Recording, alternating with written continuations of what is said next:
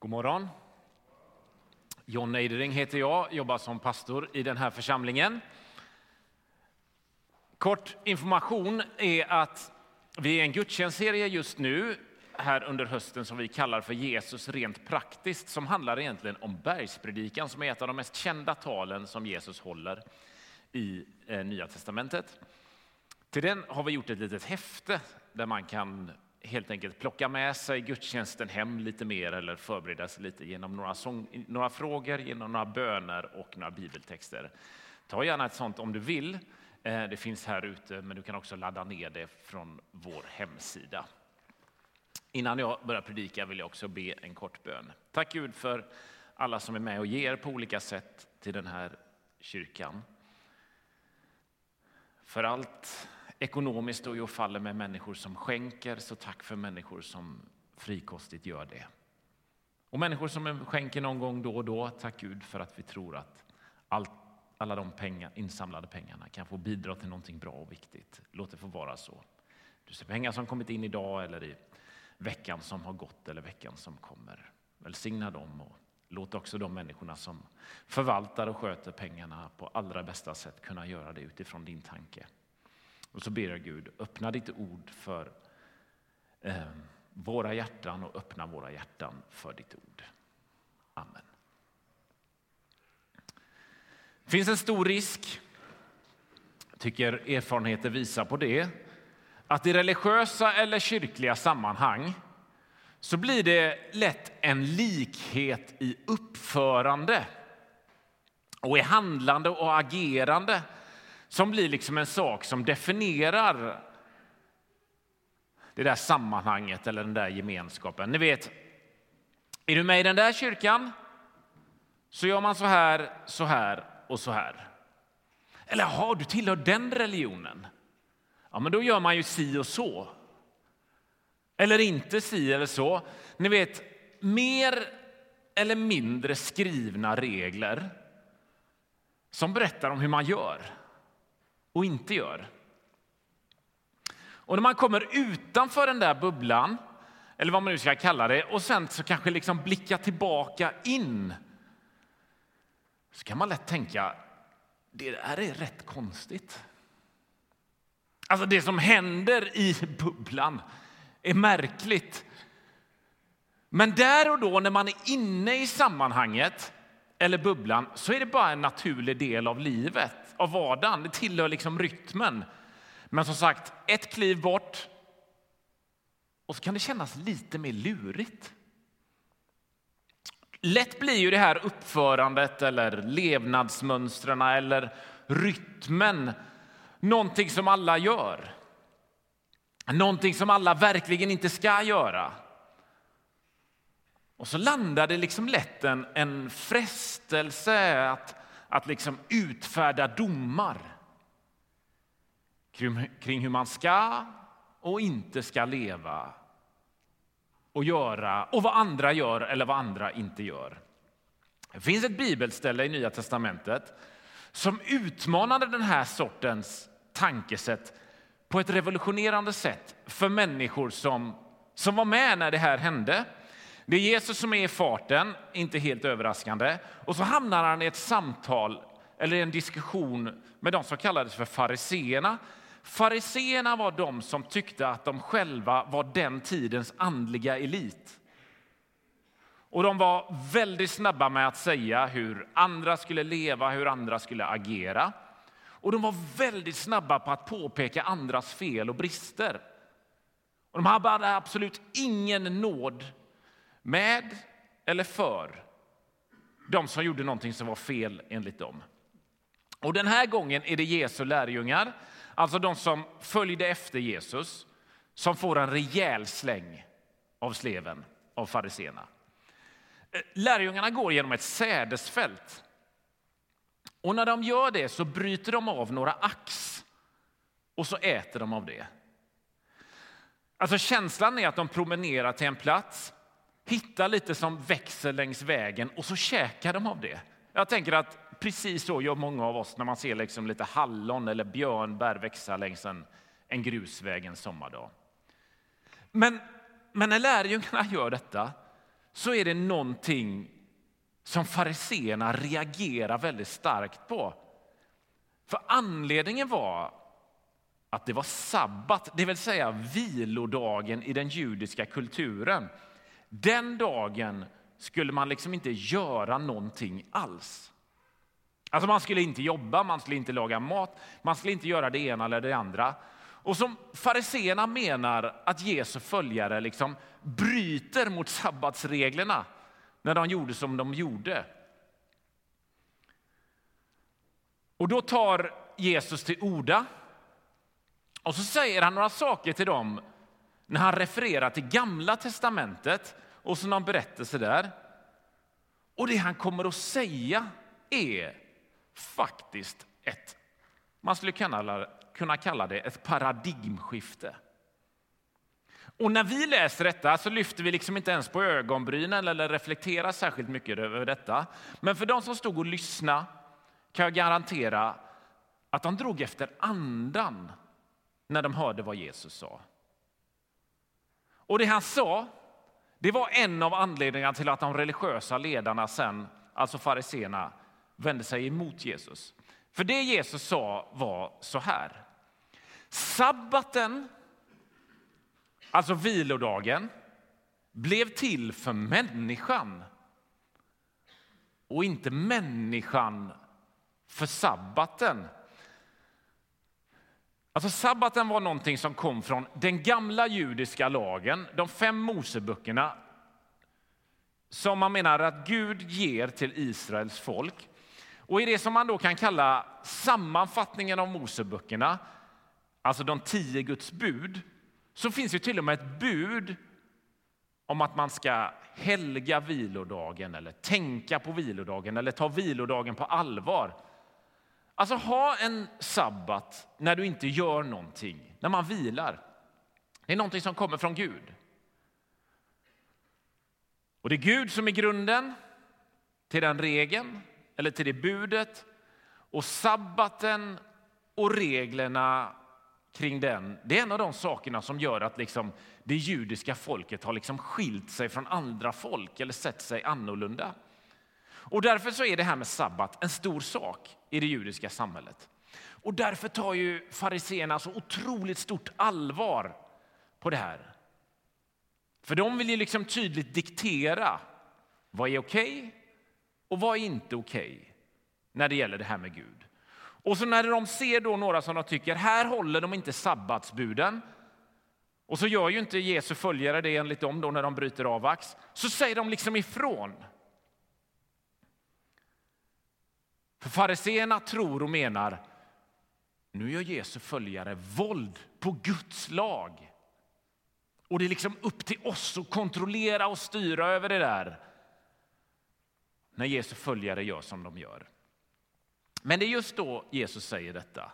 Sabbaten blev till för människan, inte människan för sabbaten. Det vill säga, människor är viktigare än sabbaten.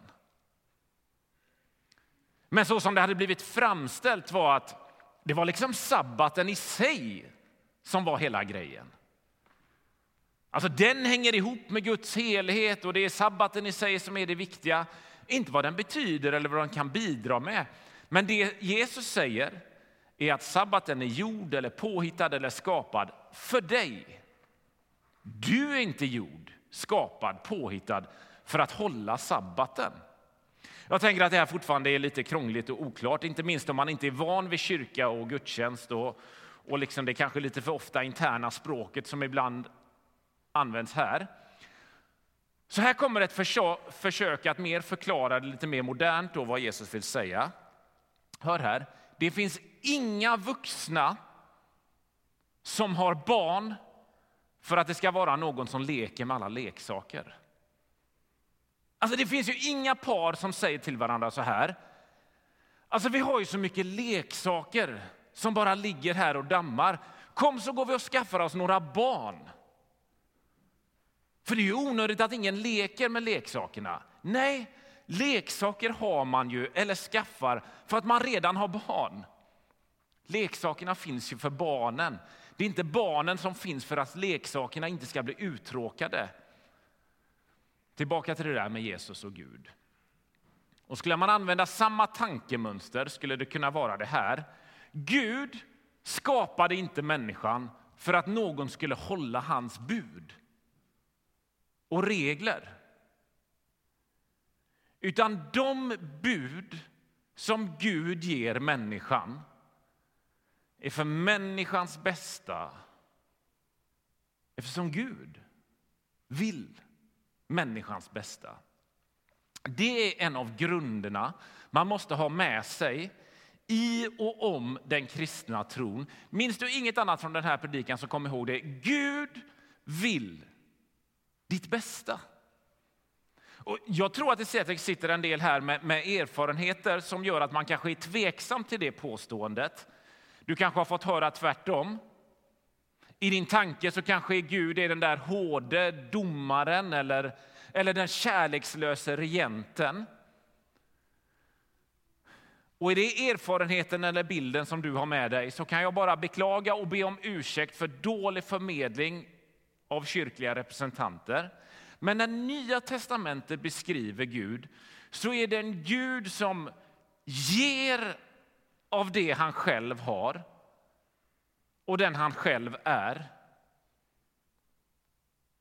För människan, mottagarens bästa, så älskade Gud världen att han gav den sin enda son för att de som tror på honom inte ska gå under. Alltså Gud gav inte Jesus för att det var synd om Gud, för att han liksom inte fick uppmärksamhet. Eller Gud ger inte Jesus till världen för att människor ska få dåligt samvete eller något annat. Utan Gud trycker liksom ner sig själv i mänsklig kropp, kommer till oss genom Jesus av en enda anledning. Han älskar världen, han älskar dig. Och även för den man älskar, eller snarare inte minst till den eller till dem man älskar, så ger man ju också ibland mer eller mindre tydliga gränser, uppmaningar, tips, uppmuntrar, utmaning och så vidare. Och här kommer ju det som Emil läste för oss förut in i bilden, det som är bibeltexten som står i fokus för den här gudstjänsten. Jesus sa ju så här. Den som hör dessa mina ord och handlar efter dem är som en klok man som byggde sitt hus på berggrund. Regnet öste ner, floden kom, vindarna blåste och kastade sig mot husen. Men det rasade inte. Eftersom det var byggt på berggrund. Alltså det är rätt stora ord han använder om sig själv. Och det han säger, den gode Jesus, det, det måste man ge honom. I princip, gör det jag säger så kommer inte ditt hus rasa. Come what may, det kommer stå kvar om du hör och gör. Och så lika stora ord, om inte större, blir det när han, när han säger vad som händer om man gör tvärtom. Och den som hör dessa mina ord, men inte handlar efter dem, är som en dåre som byggde sitt hus på sand. Regnet öste ner, floden kom, vindarna blåste och störtade sig mot hans hus. Och det rasade och raset blev stort. Jesus kallar dem som lyssnar på hans ord men struntar i dem för en dåre. Och för dem kommer allt rasa så fort någon form av test i livet kommer. Alltså han tror ganska mycket om det han säger, Jesus. Och han tror inte lika mycket om att inte göra det han säger. Vet du, vid ganska många tillfällen har man i kyrkan uttryckt det som att, att, att bygga sitt liv eller låta grunden i ens liv vara Jesus, det är det som gör att allting håller och att tro och lita på honom ger en fasthet i livet. Och det kan finnas en fog för den tanken, men det är inte det Jesus säger här. Utan titta igen vad han sa. Den som hör dessa mina ord och handlar efter dem är som en klok man som byggde sitt hus på berggrund. Och det som hör dessa mina ord och inte handlar efter dem är som en dåre som byggde sitt hus på sand. Alltså vad Jesus verkar vilja komma åt här är att höra och göra. Och kontrasten att höra och inte göra verkar han ju då vilja handla för. Alltså har man varit på scoutläger så är det ju trefötter som de här. Något som finns på i princip alla ställen. Och just att det är tre fötter eller tre ben är ju grunden för att de ska kunna stå upp och ge rejäl stadga. Alltså ta bort ett av benen på trefoten och förmågan att hålla upp presenningar eller bära upp bänkar som scouter sitter på. Att kunna använda sig matlagning, hänga kastruller och annat på minskar rejält. Och när Jesus talar om en människas liv, ett liv som verkar kunna få möta både stormar och regn och rusk och alla möjliga vindar, så menar han det måste finnas en rejäl grund som man inte ramlar och blåser bort. Alltså det måste finnas ett fundament hos varje människa. För var så säker, stormar och annat, det kommer alla möta. Men det som gör att man inte ramlar när man möter där, det är enligt Jesus att höra vad han säger och sedan också göra vad han säger. Alltså på scoutlägret är det trefoten som utgör grunden för mycket. Det Jesus menar ska ut, få utgöra grunden till varje människas liv har två ben, nämligen att höra och göra. Av de orden så vill jag ge dig framförallt två poänger. För det första, den kristna tron är inte ett åsiktspaket. Hör här, när Jesus talar till dem som följer honom, när han bjuder in människor att tro på honom och gå hans väg, så är det inte en enda gång han säger, vet du, du bör tycka detta. Eller att det här är ideologin du ska köpa. Eller om du inte skaffar åsikter om det ena eller andra och det tredje så kan du heller inte följa mig. Vet ni, det händer aldrig. För att vara en Jesu följare som vill ta hans ord på allvar, det innebär inte att sitta på våra bakar och tycka så mycket om hans politiska hållning, om hur hon lever sitt liv, om vad den personen gör med sina pengar och hur fel den andra gör med sina. Nej, det är helt ointressant i Jesu ögon. Det finns ingenting med det som är direkt kopplat till att vara en följare till Jesus. Det är säkert många av oss som har fått höra om människor som har sagt både fy och jaja till dig för någonting du har gjort eller inte gjort. Eller man har uttryckt sin förfäran över människors levande och handlande. Och jag tror att en del av oss gör på samma sätt med sitt eget liv. Man vänder, vänder blicken till sig själv och så känner man liksom frustrationen över att jag inte lyckas. Man anklagar sig själv, man kan tycka att jag önskar att vara på ett sätt.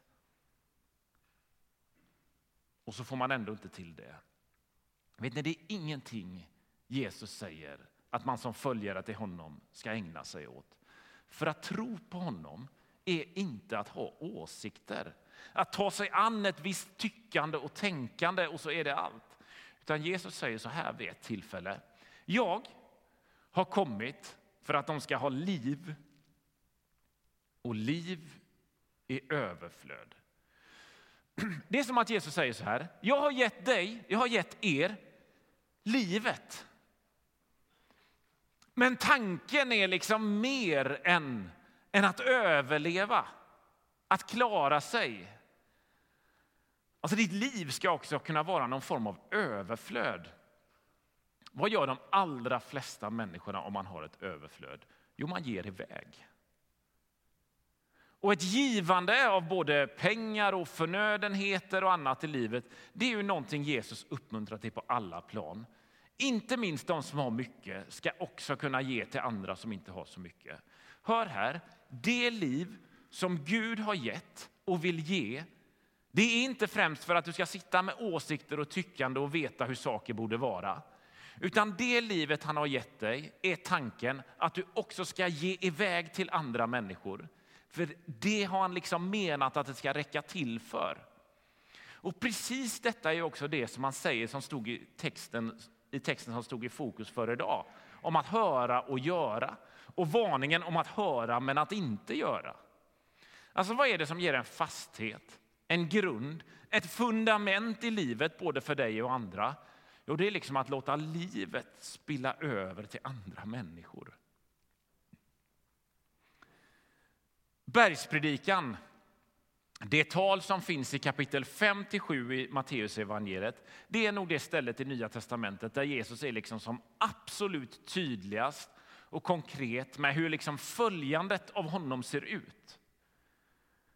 Och I bergspredikan så finns många citat av dem som är Jesus mest kända. Här kommer några. Ni är jordens salt, ni är världens ljus. Om någon slår dig på den högra kinden, vänd också den andra mot honom. Älska era fiender, be för dem som förföljer er. Där din skatt är, där kommer också ditt hjärta vara. Ni kan inte tjäna både Gud och mammon. Sök först Guds rike och hans rättfärdighet så ska ni få allt det andra också. Döm inte så blir ni inte dömda. Varför ser du flisan i din broders öga när du inte märker bjälken i ditt eget? Och så allt vad ni vill att människor ska göra för er, det ska ni också göra för dem. Ser ni, det är så många av de orden som finns i bergpredikan. Ännu fler finns som relaterar till andra människor. Hur det man kan kalla ett kristet liv kopplar till andra människor. Att höra och göra.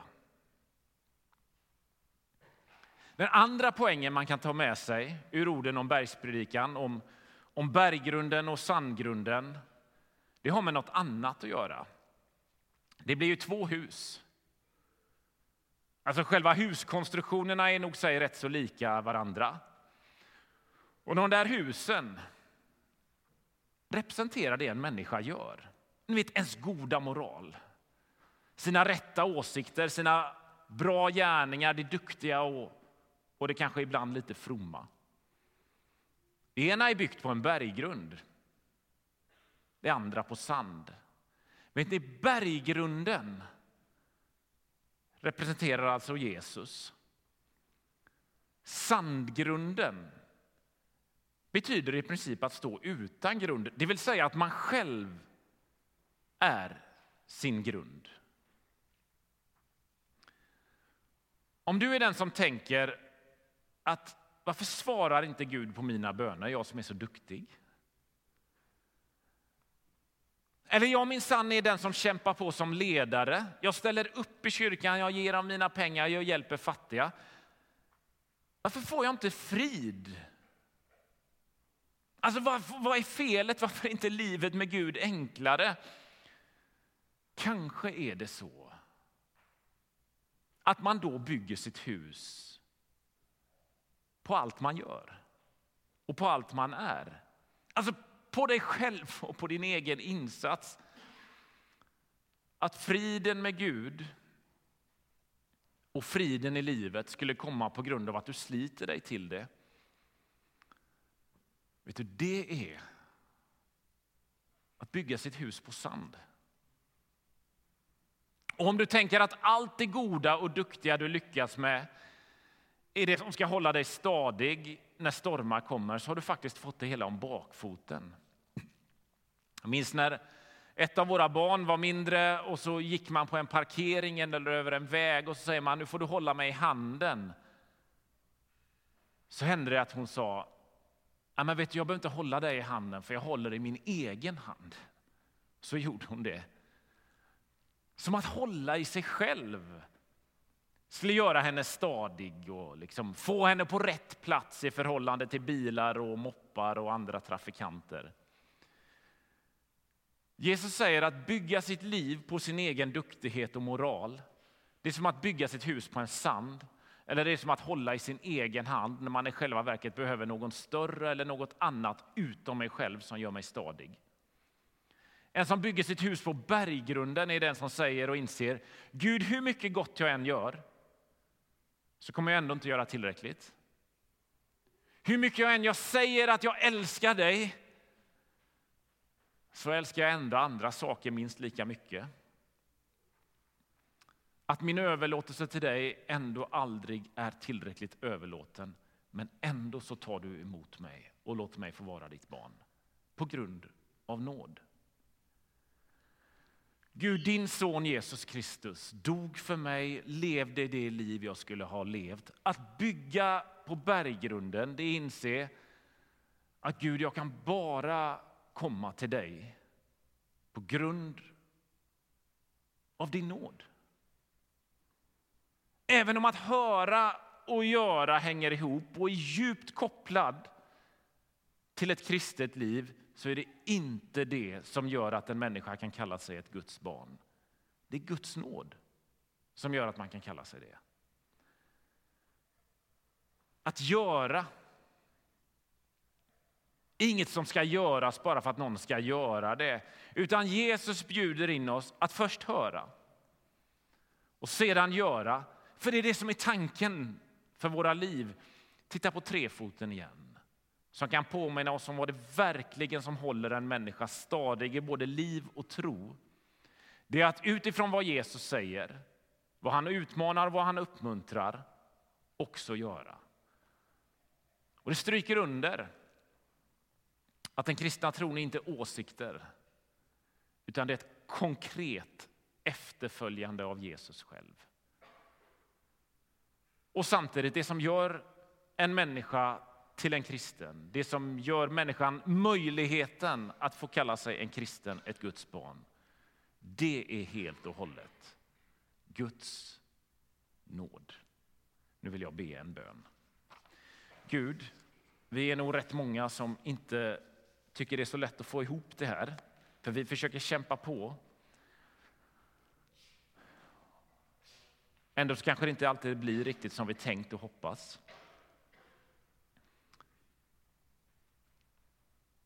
Men vi inser att när du talar om en grund så kopplar det till hela våra liv.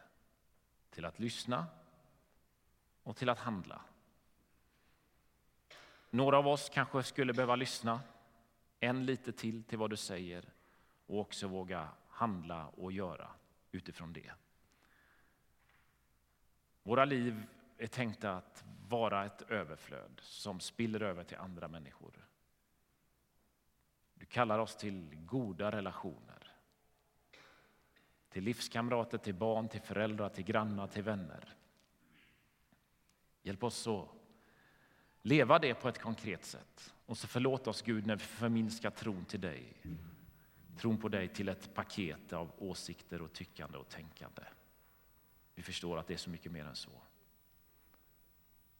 Och så tack Gud för att även när vi vill göra, när vi vill handla och inte riktigt lyckas med det, så får vi genom och på grund, din, på grund av din nåd ändå komma till dig. Amen.